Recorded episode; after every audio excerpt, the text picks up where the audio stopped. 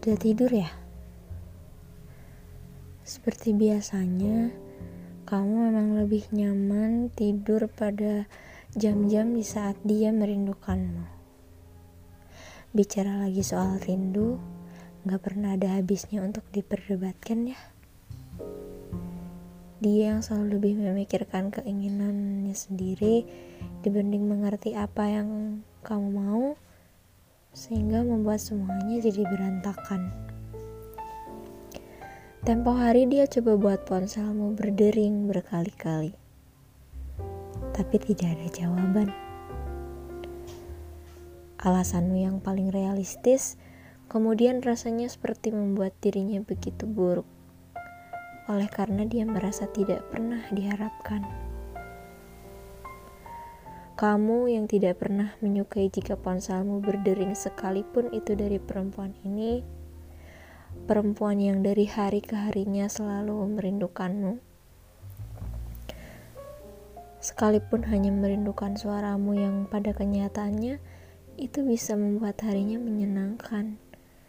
Setelah setiap hari yang dia lewati adalah tidak baik-baik saja.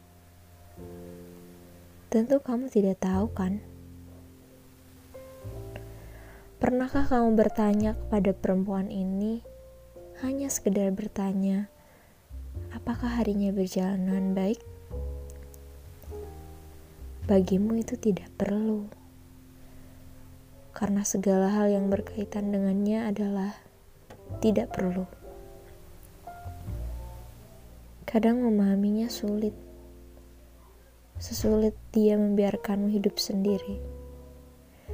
Meski yang terjadi adalah kamu bisa hidup sendiri sedang keinginannya adalah menemanimu tanpa jeda dan batas waktu.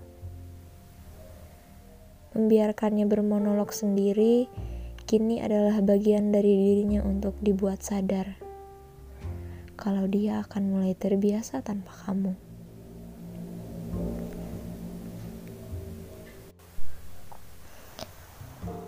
Kemudian setelah itu dia mengambil keputusan paling baik dia tidak akan lagi mengambil resiko untuk menyiksa dirinya sendiri atas kesalahan yang bukan tanggung jawabnya.